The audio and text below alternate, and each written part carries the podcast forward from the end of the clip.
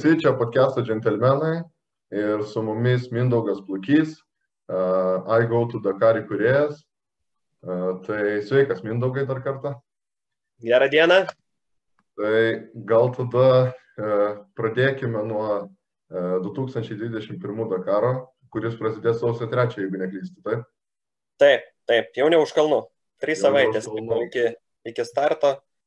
Ir e, apšilinėja jau visi kojas, jau visi trina rankom, nes skrydis jau neužilgo. Didžioji dalis, galbūt net ir visi Dakaro dalyviai, fanai, medijas išskrenda gruodžio 26 dieną.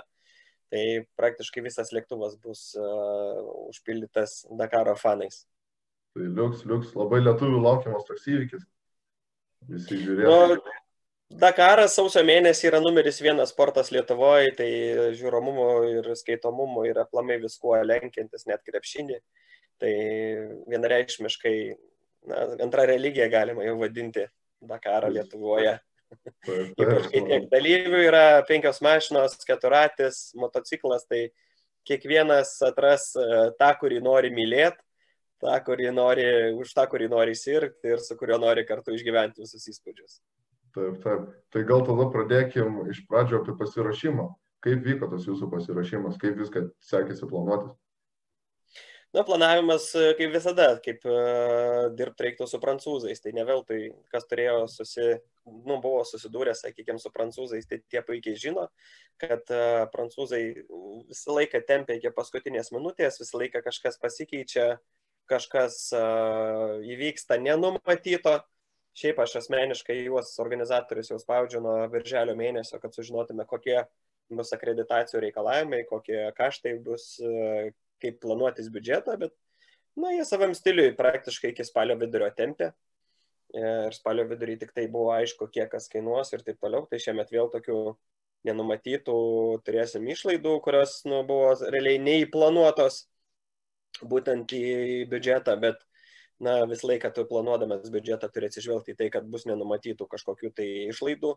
Tai realiai šį kartą viskas puikiai labai susiniveliavo ir na, minuso nebus. Tas yra svarbiausia. Kaip, su rėmėjais viskas vyko, ar prisidėjo jie prie tos jūsų iššūkos? Ne, tai jeigu nerėmėjai, tai aplamai nebūtų įgautų Dakar, tai čia yra esminis dalykas. Taip, mes šiai dienai galbūt e, galėtume ir nuotoliniu būdu jau viską raportuoti, nes auditorija pakankamai didelė, susibūrusi ir uh, seka mus dėl to, kad, na, tai, sakykime, yra vienas kanalas, kur visos naujienos suplaukia. Tai galbūt iš patogumo yra gerai turėti vieną platformą, kurioje gali sekti visus sportininkus ir viską sužinoti, negu lakstyti per profilius ir ieškoti. Bet, na, kiti tai skundžiasi, kad, sako, žinai, pasidaro feedą iš tų visų dakaristų ir paskui tą patį mato. Na, realiai taip ir yra, nes finišė visi mes esam tenais, visi laukiam finišuojančių sportininkų ir automatiškai gaunasi, kad visi transliuoja tą patį. Na, kitu atveju irgi labai įdomu sužinoti ir mūsų fanų ir, ta prasme, tie, kurie seka į Gautų Dakar, e, sužinot, e, kas jiems galbūt įdomu būtų, nes mūsų projekto esmė ir visas yra kaip ir e, branduolys yra istorijos užkulisių. Tai yra, mes nelabai norim fokusuotis į tos varžybų rezultatus, bet na, realiai mes juos rodom, nes tai yra vis dėlto tai, kas domina žmonės.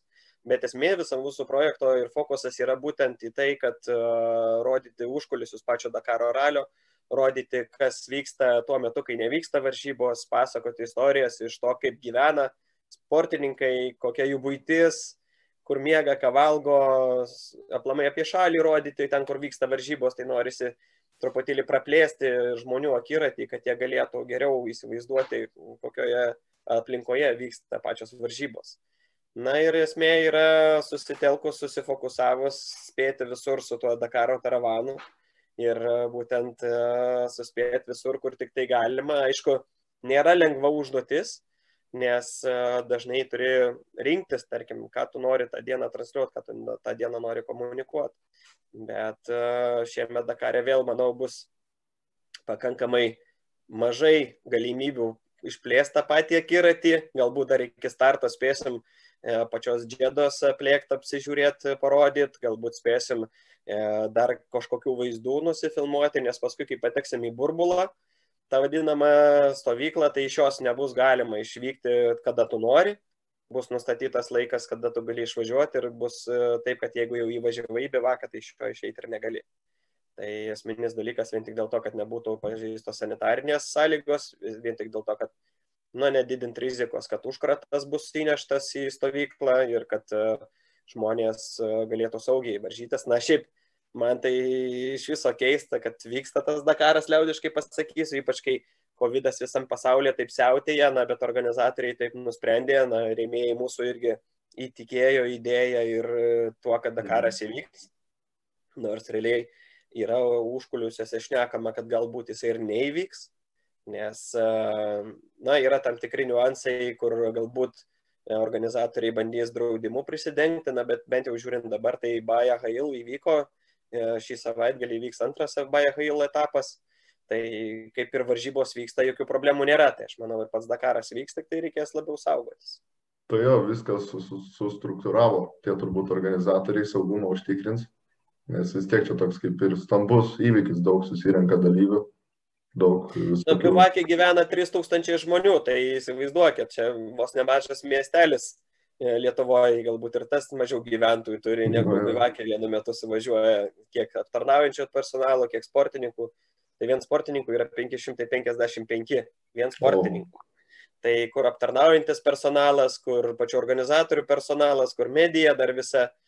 Na ir e, bus įdomu žiūrėti, kaip ten seksis mums dirbti, nes e, labai bus ribojami netgi bendravimai tarp pačių komandų. Tai vėl mhm. kiekvienas, e, kiekviena komanda gyvens savo dar mažam burbulė, kur galbūt netgi vairuotojai, nu, tie pilotai, varžybų dalyviai bus atskirai, net dar savo mažuose burbuliukuose atskirai nuo komandos dalyvių. Tai, na, yra ten reglamentas surašytas ilgas, ilgai užtruko, kol jį perskaitėm, įsigilinom, bet, na, bus įdomu, galiu tik tai pasakyti.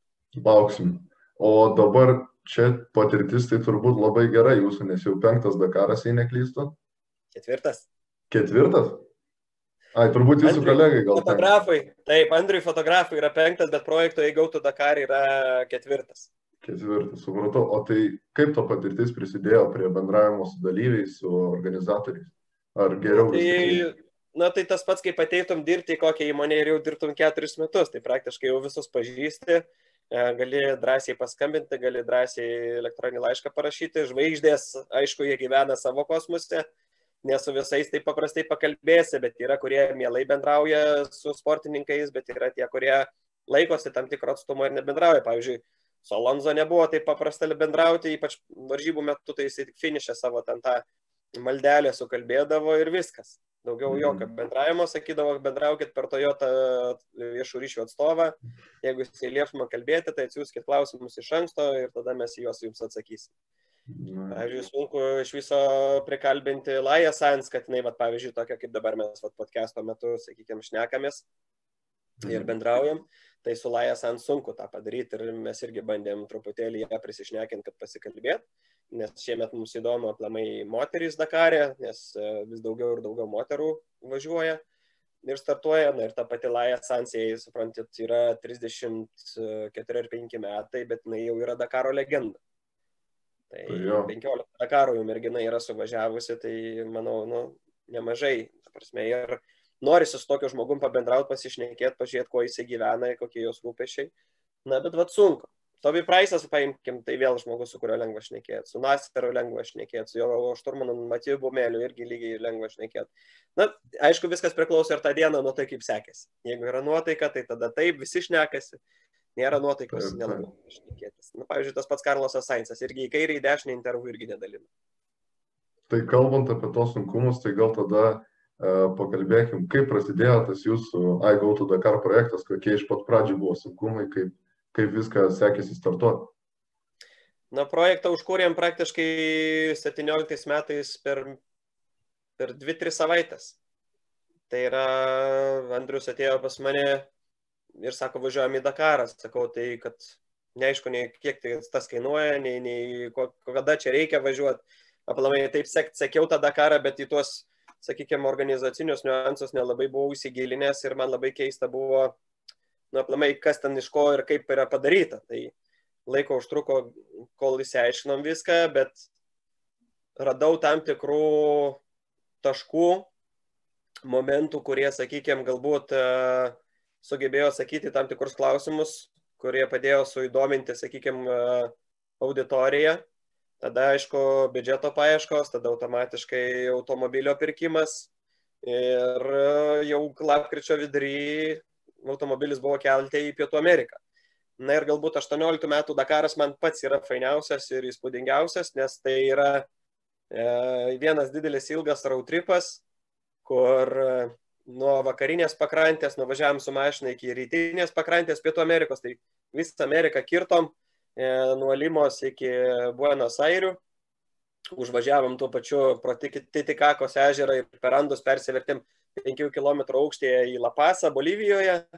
Tai kas nežino, tai Bolivijoje Lapasas yra aukščiausiai pasaulyje esanti sostinė, 3600 m bene aukštyje. Taip pat turi aukščiausią pasaulyje oro uostą, tai čia truputėlį geografijos žinių praplės. Tai taip įdomu buvo visai.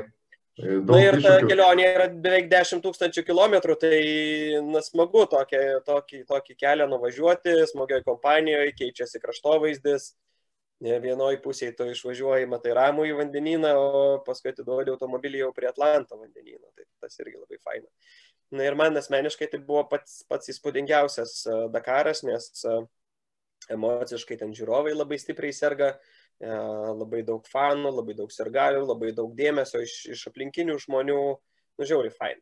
Paskui Pietų Amerikoje vėl vyko 19 metais Dakaras, tai buvo Peru tik tai, tai jau toks truputėlį galbūt iš asmeninės pusės irgi buvo smagu, nes jau buvo viskas aišku. Visi kampai žinomi, mhm. Lima jau, jau skersai išilgai išvaikščiota, e, visas aišku buvo, kur kas, ką reikia daryti, galbūt tik tai dėl to, kad vienoje šalyje, galbūt, na, bet kai antras kartas, tai irgi visai nieko tą pačią šalį plačiau iš, ištyrinėti. Ir tada jau, kai Dakaras persikėlė į Saudo Arabiją, šiaip minčių jau nebuvo tęsti, bet kadangi persikėlė į Saudo Arabiją, tai, na, sakom, na gerai, Važiuojam dar kartą. Išvažiavom mhm. trečią kartą ir vien tik iš noro pažinti Saudo Arabiją plačiau. Ir šiemet jau turėjo būti per tris valstybės vėl, arba galbūt per dvi, tai kalbos ėjo apie tai, kad bus ir Jordanija, bus ir Junktinė Arabų Emiratai, ta pati Saudo Arabija.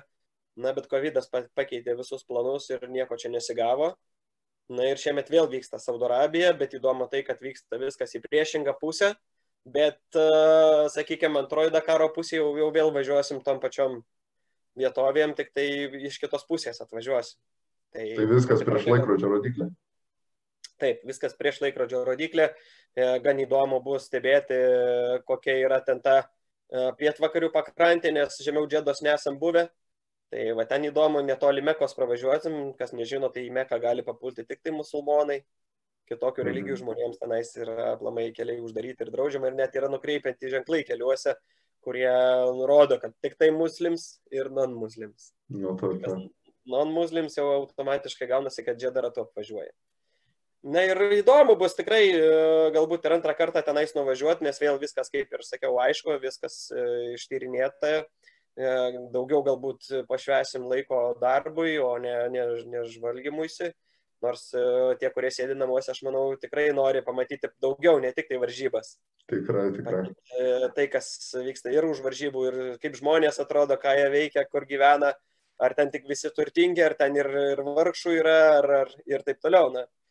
Įdomus man pačiam faktas buvo, kad e, dizelio litras tik tai 7 centus kainuoja, tai prie mūsų kainų kosmosas atrodo. Nu, ja. Tai e, gal tada apie ekipažus pakalbėkim, kokia nuomonė apie šių metų ekipažus, koks įspūdis susidaro va šiuo metu. Na, šiuo metu šiaip smagu, kad yra vienintelis keturatis, tai tur vėl turėsim e, Dakaro naujoką, Laisvį Dakancių, kuris važiuos pirmą kartą savo Dakarą ir, ir naujoko kategorijoje bus. E, niekada keturačio plamai nebuvo nei Lietuvoje, nei Latvijoje, nei Estijoje. Tai tas irgi labai smagu, kad pirmas keturatis. E, Arūnas Gelažninkas bandys e, save vienišių klasiai, kas irgi nėra labai lengva vienam pačiam važiuoti remontuoti motociklą, tai jau jis važiuos be mechanikų pagalbos. Žiūrėsim, kaip jam seksis. Na ir penkios mašinos, iš jų vienas toks rimtesnis bagis, kurį vairuos e, Gintas Petrus. Tai galų varomas, vienintelis automobilis iš visų lietuviškų ekipažų, tai vėl galbūt netgi galima sakyti, kad galbūt tai ir vėl tokia kaip ir naujovė Dakarė, kad galų varomas automobilis. Na, iš technologiškai pažangiausių tai bus Benedikto Vanago Hailuxas, kuris e, dabar turi ten geriau išsvertas uh, technologijas, tai yra variklis pastumtas yra į saloną daugiau, tai salone jis stovi už priekinės ašies, tai kas yra, tai yra šuolių arba kitokių manevrų metu jisai geriau valdomas yra. Na, Vaidoto žala jau galbūt bus prisijaukinęs labiau savo mini, tai vėl antri metai su ta pačia mašina, tai vėl toks kaip ir pranašumas yra neblogas, plus abu du turės šturmanus, portugalus, profesionalus, tai manau, čia tas irgi galbūt suteikia vilčių juos pamatyti top 10 na, viską parodys finišas, nes kol finiš, nefinišavai, tai dar anksti džiaugtis, kad ir tą greičio ruožą, sakykime, pirmą suvažiuoji, dar jis nieko nelėmė. Lyderiai aplamai stengiasi pirminę finišuoti, nes reiškia, kitą dieną tu atidarinėsi trasą. Ir finišuoji pirmas tik tuo atveju, jeigu tu bandai trumpinti atotrukį, tai yra mažini sekundžių skaičių iki varžovo. Nes kitu atveju pirmam atidarinėti trasą tai yra labai sudėtinga, nes tada viskas gula ant šturmano pečių Ir e, netgi žvaigždės irgi sakė, nu, sunki diena buvo, nes reikėjo atidarinėti trasą. Tai, žinai, čia yra dar daug taktikos, jie seni vilkai, jie, jie žino, ką daro. Nu, tai. Aišku, smagu, kai mūsų sportininkai pirmie atvažiuoja, užima pirmą vietą etapę, bet tas etapas tai tik vienas iš dvylikos. Na reikia juos tada visus bent jau top 10 atvažiuoti, kad galėtum ten, sakykime, stumdytis dėl 5, 6, 4 ar kažkurios pozicijos, o gal net ir dėl lyderio pirmų pozicijų. Tada turim ką? Edvina, kuris važiuoja su buvusiu Benedikto automobiliu ir, na, gal technologiškai seniausias bus Antano Iknevičiaus automobilis. Tai jau senos kartos overdrive'as, kur net Petraus, sakykime, bagės yra pažangesnis už, už Antano automobilį. Na, žiūrėsim, kaip Antanui seksis, nes jis visus metus nematė to automobilio. Čia dabar savaitėje buvo išvažiavęs į Saudo Arabiją, ne į Saudo Arabiją, atsiprašau, į Junktinius Arabų Emiratus E, tenais automobilį bandė sudavesti iki kovinės parengties, padarė kažkiek testų, na lyg ir viskas tvarkoj. Bet žinom, kai buvo 19 metais su tuo pačiu automobiliu Pietų Amerikoje, kai buvo variklio gedimai, buvo bemiegės naktys, buvo ieškoma detalių ir visai kitaip bandoma, na bent jau finišuoti ir labai gerai, kad pavyko finišuoti, bet žinant tai, kad Na ir pernai, ir užpernai labai daug sportininkų aplamai iškrito iš varžybų. Tai tarkim, jeigu 19 metais Peru buvo apie 340, Saudo Arabijoje buvo dabar vat, 350, tai jau šiemet bus tik tai 310 sportininkų. Na ir pernai Saudo Arabijoje pusė jų iškrito. Tai, na, bet visą laiką taip yra. Kiekvienas Dakaras yra skirtingas ir negali sakyti, kad jisai buvo toksai pats kaip e, buvo prieš tai ir kad tu čia važiuoji žiedinėse varžybose, kuriuose kiekvienas posakis išlaižytas mintinai jau jisai aiškus. Tai manau, sportininkai dabar truputėlį atsargiau vertins ir savo jėgas, plus na, ir didelė, didelė atsakomybė ant kortos prieš rėmėjus, prieš fanus. Aišku, smagiausia yra, kai sportininkai visi iš Lietuvos finišuoja, tai tada na, galėtum sakyti, sentinguba šventė. Džiaugsmas. Taip, tai va, tai dabar jie turbūt tikrai bus atsargesni, žino, ko laukti, žino, kokia, koks reliefas tyko jau Saudo Arabijoje. E, aišku, bus ir kopų šiemet nemažai, tai žiūrėsim, kaip jiems seksis kopose, gal už tai jie nevertų ir į Junktinius Arabų Emiratus važiuoja, kad treniruotis truputėlį kopose, kad vėl prisiminti tą važiavimą per smėlį, kad atgaivinti įgūdžius. Na ir viskas klostysis ir bus aišku taip gruodžio 3 sausio 15 dieną. Mhm. kada jau bus panaši paskutinė diena, trumpas greičio ruožas apie šimto kažkiek kilometrų. Ir žiūrėsim, kas kokioje vietoje finišuos. Čia, čia galima totalizatorių daryti, bet galiu sakyti, kad čia yra na, didelė rizika ir didelės, tai didelių tikimybių labai daug. Žinai, kaip ir Vaidotui buvo Saudo Arabijai pirmą etapą, pirmas, paskutinį, paskutinis. Mhm. Ir daug, daug yra dedamųjų detalių, kurios gali lemti vienokią ar kitokią poziciją turnyriniai lenteliai. Dabar apie maršrutus. Kaip manot, kuris įdomiausias gali būti maršrutas žiūrovams? Nes kiek žinau, maršrutas visas vyks prieš laikrodžio rodiklę, tai gal kažkiek pasikeičia tas įspūdis. E, kas žiūrovams yra geriausia, tai kai Dakaras vyksta vienoje šalyje tai tada gali nuomotis mašiną ir viską važiuoti ir žiūrėti. O šiemet iš viso yra patogu, nes startas ir finišas tam pačiam mieste. Mhm. Tai automatiškai gaunasi, kad e, gali išsinuomoti mašiną tam pačiam mieste ir gražinti į tą patį nuomos punktą ir nereikia papildomų mokesčių už mašinos pervarimą mokėti. Tai kai Dakaras vyksta vienoje valstybėje, tai reikia imti ten galimybę važiuoti ir žiūrėti, nes jau kai bus per kelias valstybės, tai tada su automobilių nuomom yra sudėtinga ir e, tada turi aukoti kažkokią tai Dakaro maršruto dalį ir e, sekti tik tą dalį, kur toj šaly to esi. Tai tarkim, jeigu būtų Jordanija, Saudo Arabija Junktinė Arabų Emiratai, tai bent jau kiek kalbos klinda, kad startas ir koks pirmas etapas tik tai būtų Jordanijoje, paskui visa dalis vėl dreiktos vis tiek per Saudo Arabiją ir finišo gal kokie du greičio ruožai vėl Junktiniuose Arabų Emiratuose. Tai didžioji dalis varžybų būtų vis tiek Saudo Arabijoje. Tai vėl reikia galvoti, ar tu nori vėl važiuoti tą patį žiūrėti, ar, ar, ar, ar jau geriau padeda palaukti kažkokio kito įdomesnio Dakaro, kur bus naujos valstybės, daugiau tų kilometrų susukama tose valstybėse, nes man asmeniškai yra smagu važiuoti. Man patinka važiuoti, man patinka žiūrėti pro langą, matyti, kaip keičiasi kraštovaizdis, sutik žmonės ir su jais bendrauti, pamatyti tą kultūrą. Na ir aišku, paskui yra Dakaras ir visi kiti rezultatai. Tai kantrybės irgi nemažai reikia turėti. Na, šiemet uh, Dakarė mes susukome apie 5000 km, tai šiemet nu, tiksliau ne šiemet, o kitais metais sausį, tai bus irgi panašiai.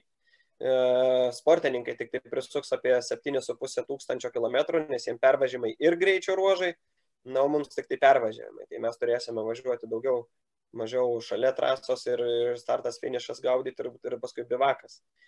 Tai bus įdomu, sekti irgi norėsis visus sportininkus, tai aišku, kuo daugiau e, sportininkų, tuo mažiau miego mums nes reikia daugiau medžiagos apdoroti, daugiau nuotraukų padaryti, daugiau video turinio prisukti ir, na bent šiemet tai organizatoriai stengsis labai limituoti tą video turinio patekimą į internetą, nes uh, televizijų kanalai labai pergyvena, kad internetas, sakykime, valdo, na, bet taip yra, nieko nepadarysi ir to video turinio labai daug patenka, tai už tai ir e, tos akreditacijos sąlygos labai yra, na, gan sakyčiau, skausmingos, nes kainuoja daug, o realiai video turinio panaudot gali apie penkias minutės. Na tai ką tas penkias minutės praktiškai nieko nereiškia. Kai turi septynis sportininkus ir tarkim visi norės pakalbėti po minutę, tai vien ant intervų tu sugadini septynias minutės. Tai o kur kalbėti dar apie tai, kad uh, tu nori daugiau parodyti, nori daugiau parodyti užkulisių, tai reikės galvoti šiemet, ką aukot. Kaip manot, ką aukot? finišus ir intervus ir geriau rodyti, kas įdomu, ar geriau vis dėlto interviu finišė? Nu, va, pažiūrėsim, žiūrovai gali komentarus atsakys. Tai ar turi šių metų favoritą? Vat, toks įdom, įdomus iškilo. E, tarp lietuvių ar aplamai? E, aplamai, nebūtinai tarp lietuvių. Na, mes labai, nežinau kodėl, gal dėl to, kad bičiuliški santykiai yra, tai visą laiką labai sergam už Naserą. Mhm. Ir, ir, ir labai visą laiką norim, kad Naseras laimėtų ir labai gaila buvo, kad Naseras šiemet nelaimėjo, o Karlosas Sainsas nugalėjo. Na, bet bagiai turi visą, visą, visą, visą pranašumą būtent 20 metų Dakarė. Šis Dakaras grinai buvo skirtas bagiams. Na, tai organizatoriai dabar truputėlį stengiasi paivairinti tą trasą, kad ir 4x4 automobiliai turėtų daugiau šansų pasivyti varžovus, išlyginti jėgas. Na, bet E, kalbos eina apie tai, kad galbūt e, galų varom aplamai iki 23 ar 5 metų neliks automobilių, bus tik tai 4x4. Tai, na, ir tada dar kalbėsim apie tai, kad eina tos, kaip čia pasakyti, žalios technologijos ateina. Tai tada gaunasi, kad gali būti, kad iš viso neliks tų galingų V8 variklių, bus tik tai kažkokie gal range extenderiai, taip vadinami, kurie kraus generatorių, suks ir baterijom važiuos. Šnekama 23 metais, kad aplamai vat, vandenilinis automobilis startuos su Cyrilu Depre ir Maiku Hornu. Tai vėl, o iki 30 metų aplamai neliks e, benzininių ir dizelinių automobilių Dakarė. Na tai gyvenam įdomiam dešimtmetį, e, kuriame versijas viskas aukštai kojam, keičiasi ir automobilių sporto veidas. Ir žiūrėsim, na, o tie mūsų sportininkai, tai žinai, jie yra samdomi darbuotojai. Galbūt nu, po šio sezono Toyota aplamai pasitrauks nes jie grinai nekalba apie hybridų naudojimą Dakarė ir eis galbūt į gryną elektrifikaciją. Tai jie turbūt turės vis tiek ieškotis kažkokios kitos komandos, prie kurios vairo sės. Tai bus matyt, kalbas eina, kad uh, Audi grįžta į Dakarą ar negrįžta, o ketina dalyvauti. Kalbos eina apie tai, kad ir kiti gamintojai turbūt bandys e, Dakarė save e, realizuoti. Na tai manau, kol gamintojų tokių atsiras, tai manau ir šie sportininkai turės darbo. Man tik tai įdomu, kada e, Petrancelis su Sainzu į pensiją išeis. jau ten veteranų veteranai, bet jie vis dar važiuoja ir važiuoja ir važiuoja. Na, dar kalba, kad jau, jau kalba, kad jau galbūt paskutinis Dakaras, bet va metai apsiverčia ir vis tiek čiuktų žvadžių vėl iš pradžių. Jo, jo, tai nusimato nemažai pasikeitimų visame reikalai su bus matyti, elektra. Bus matyti. Tai uh, pirmą kartą istorijoje bagis ir keturatis, ja? Taip. iš lietuvių. Tai uh, kokios emocijos jūsų? Nu, emocijos geros, nes uh, įvairovė pagaliau atsiranda Plius 22 metais, jeigu planai susidėlios teisingai, turėsim side by side, tai trūksta tik tai sunkvežimio ir turėsim po lietuvių kiekvienoje kategorijoje. Tai bus ir sunkvežimis, ir side by side, ir keturatis, ir motociklas, ir, ir automobiliai. Na ir paplamai side by side kategorija, jeigu apie tokią kaip kalbėti, yra sparčiausia auganti klasė Dakarė. Ir dėl to, kad tai tu važiuoji kaip su keturačiu, bet dviese, tai yra linksmiau ir kaip su mašinant. Tai reiškia, Ir plus biudžetas reikalingas daug mažesnis negu automobilių važiuojant, nes pats automobilis yra brangus pirkinys. Tai side by side yra ta klasė, kuri galbūt ateityje aplamai dominuos Dakaro ralyje, nes tie maži bagiukai, tai jie kaip ir sutverti, būtent važiuoti uh, tose sąlygose, jos tikrai, jos tikrai daug fan patiria dalyviai. Na, o mūsų tikslas, uh, kad kuo daugiau tų lietuvių būtų, tai galbūt tai bus nacionalinis aplamai sportas Dakaras, kada visi sportininkai išvažiuos ir dalyvaus. Bet ja. žiūrėsim, žiūrėsim. Tikrai norisi, kad tie ir naujokai, tai yra Laisvidas Kancius, suvažiuotų sėkmingai, tikrai norisi, kad ir Rūnas Gelažninkas nepalūštų kažkur tai viduryje važiuodamas. Na ir aišku, žiūrėsim, kaip seksis mūsų lyderiams, e, automobilistams važiuoti e, su, su, su, su, su naujais šturmanais ir Na, bet laikas parodys, sunku prognozuoti, nu, sunku spėlioti. Reiks palaukti kantrybės. tai uh, kalbant apie naujienas, kuo šių metų Dakaras išsiskirs nuo buvusių? Na, kad tai, kad bus žiedinės varžybos. Važiuosim ratu ir kai kuriuose vietose suksim po mažiuką ratuką. Tai bent jau iš kraustimosi perspektyvos tai yra ir mums patogu, nes nereikia persikraustinėti pastoviai. Tai bent jau, kai gali dvi naktis miegoti E, toj pačioj vietoj, tai logistiškai patogu, nes tu nepriverstas pakuotis tų palapinių vėl atgal į, mašiną. Na, realiai, taigi kiekvieną rytą tu turi viską susidėti į mašiną, į bagažinę ir pervažiavęs į kitą vietą vėl viską pasistatyti, iš ryto vėl viską susirinkti ir taip 12 kartų. Tai jau tada, kada mums nereikia, tai tas yra labai gerai, nes tai palengvina ir, ir, ir gyvenimą, ir, ir, ir, ir daug laiko sutaupai gali išnaudoti produktyviam darbui.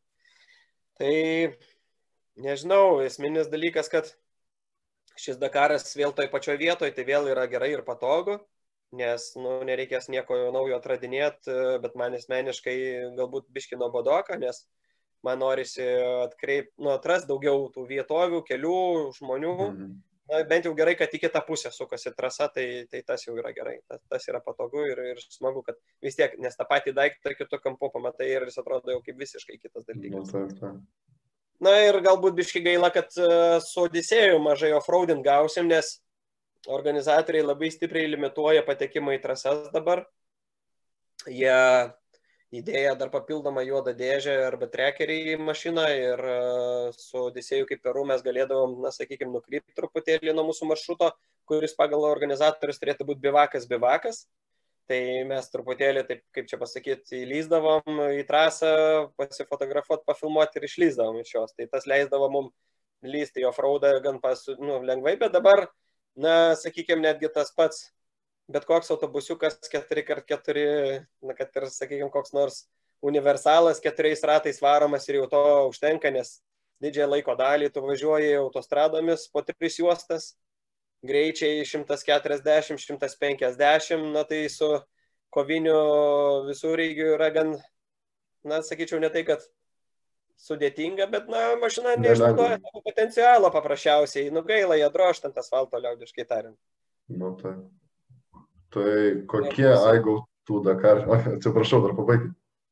Ne, nieko, tai norisi, sakau, e, turėtų galimybių važiuoti bekelę ir, na, norint važiuoti jau grinai bekelę ir sekti varžybas bekelėje, tai mums reikia papildomų investicijų į automobilį, tai reiškia, viduje turiu sumontuoti lankus, kas yra reikalavimas pagal organizatorių reglamentą, mhm. turi būti e, lopšiai vietoje sėdinių ir turi būti penkių taškų saugos diržai.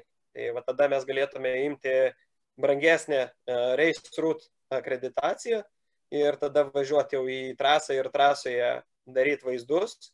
Na, bet jau tada viskas, jau tada bivako praktiškai nebūtų ir galbūt tai yra idėja kitiems metams. Nu, tai kažką turėtume tada paukoti, kad gal daugiau galimybių, jeigu taip galim pasakyti.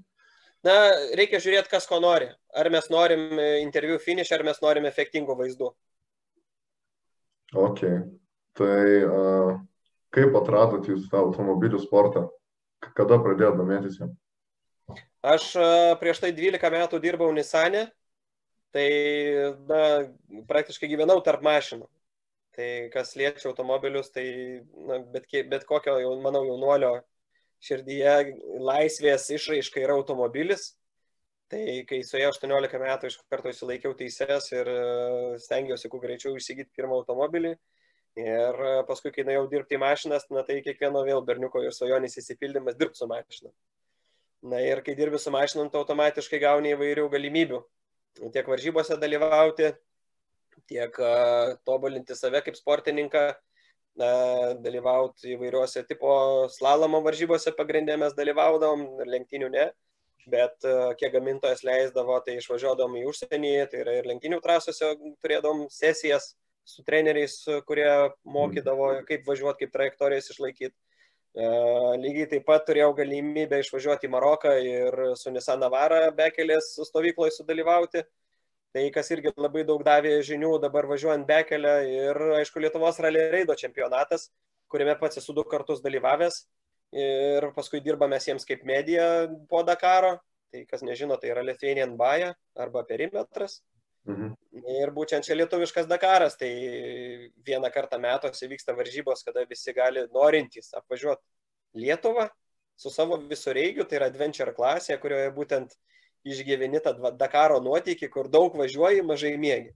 Tai tikrai rekomenduoju tiems, kas nori išbandyti save, tai trijų dienų formato varžybos, kada ketvirtadienį šeštą ryto startuoji ir šeštadienį vėlai vakare finišuoji tikrai smagu ir tikrai verta pabandyti. Susipažįsti su kelio knyga, išmoksti naviguoti, išmoksti važiuoti, pamatai Lietuvą na, ir labai gerai praleidi laiką su draugais.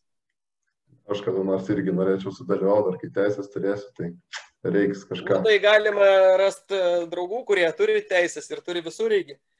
Važiuoti. Netgi su tėvais galima tą patį padaryti, pasidaryti tokį kaip e, šeimos išvyką. Mhm. Bet ten specialių reikalavimų yra labai daug. Ne, Adventure Class yra skirta standartiniams visureigiams, tai nereikia ten jokių gervių, nereikia jokių šnorkelių, paprasčiausiai keturi varantieji yra ir galbūt geresnio sukibimo padangos, nors dažnai, jeigu sausas oras, tai ir su paprastom plentiniam padangom žmonės pravažiuoja. Galbūt kažkiek saugoti automobilį, kai vasarą suželia augmenyje, tai nuo šakų, kad nesusibražytų šonai, bet jeigu ten visureigis yra skirtas linksmiems pasivažinėjimams, tai niekas ten jo ir nesaugo. Bet, nu, čia viską lemia vairuotojas. Jeigu jisai nori lėkti, tai jisai lėks ir, aišku, gali būti atsitiks kažkoks niuansas, ar, ar žinai, suvedimą pames, dar į krūmus nulėks, arba dar kažkas, tai, sakykime, nu, ką azartas ir adrenalinas daro. Bet tas, kuris norės pasivažinėti ir pamatyti Lietuvą, ramiai apsukti ratuką, tai tikrai drąsiai tą gali padaryti ir tikrai rekomenduoju. Bent jau galbūt nedidį perimetrą, tai galima mažai perimetrą, kuriuo aplamai kitais metais planuojama, kad bus penki etapai, tai keturi etapai bus kažkokio rajono ribose, tai praktiškai tą rajoną apsuki, sakykime, sudarytų maršrutų. Tai irgi labai smagu pažinti Lietuvą, nes tu, tarkim, nebuvęs kokiam nors, pavyzdžiui, rajone, ir tu gali, turi galimybę aplinkui jį apvažiuoti ir pamatyti įdomius e, kraštovaizdžio ypatumus. Gyvūnų nemažai pamatai, aplamai, na, smagu, gerai praleidi dieną, sakykime taip. Ok, nu tai ir tada pabaigai, kokie jūsų hobiai? Mūsų hobiai. Tai Dakaras yra mūsų hobis. o, o, o be Dakaro išgyvenimo? Tai kad nelabai to laiko lieka, realiai, kas, nu, kaip standartiškai, žvejyba, medžioklė. tie dalykai, kuriuos nu, dauguma lietuvių turbūt daro. Galbūt uh, aktyvus poilsis gamtoje, važinėtis dviračiu, uh, realiai tikrai na, daug laiko praleidžiam prie kompiuterio, ieškodami, rinkdami medžiagą, ją sistemindami, analizuodami, pateikdami. Tai aktyvus poilsis irgi yra labai svarbu, nes grinas oras tai yra maistas smegenims, taip kad visiems irgi linkiu neužsisadėti prie kompiuterių. Fortnite'as yra gerai, bet išeiti į lauką irgi reikia. irgi reikia. Tai, va, tai ačiū labai, kad sudalyvavot e, podcast'o džentelmenų podcast'e. Malonu buvo, ačiū už kvietimą. Tikrai labai malonu buvo ir linkiu sėkmės Dakarė, gero laiko. O ačiū jeigu, labai. Jeigu žiūrovai norės kokį klausimą jums užduoti ar parašyti, tai į kur gali kreiptis? Drąsiai, rašykite į Gautų Dakar Facebooką. Mes uh, tikrai norim išgirsti jūsų norus, pageidavimus. Uh, galbūt įdomiausio klausimo arba temos siūlytoje kokį nors suvenyrą parvešim lauktuvių, taip kad tikrai mielai laukiam jūsų nuomonių ir atsiliepimų. Liuks, šaunu. Tai gerai tada. Viso gero. Sėkmės. Sėkmės. Sėkmės. Iki. Laimingai. Iki.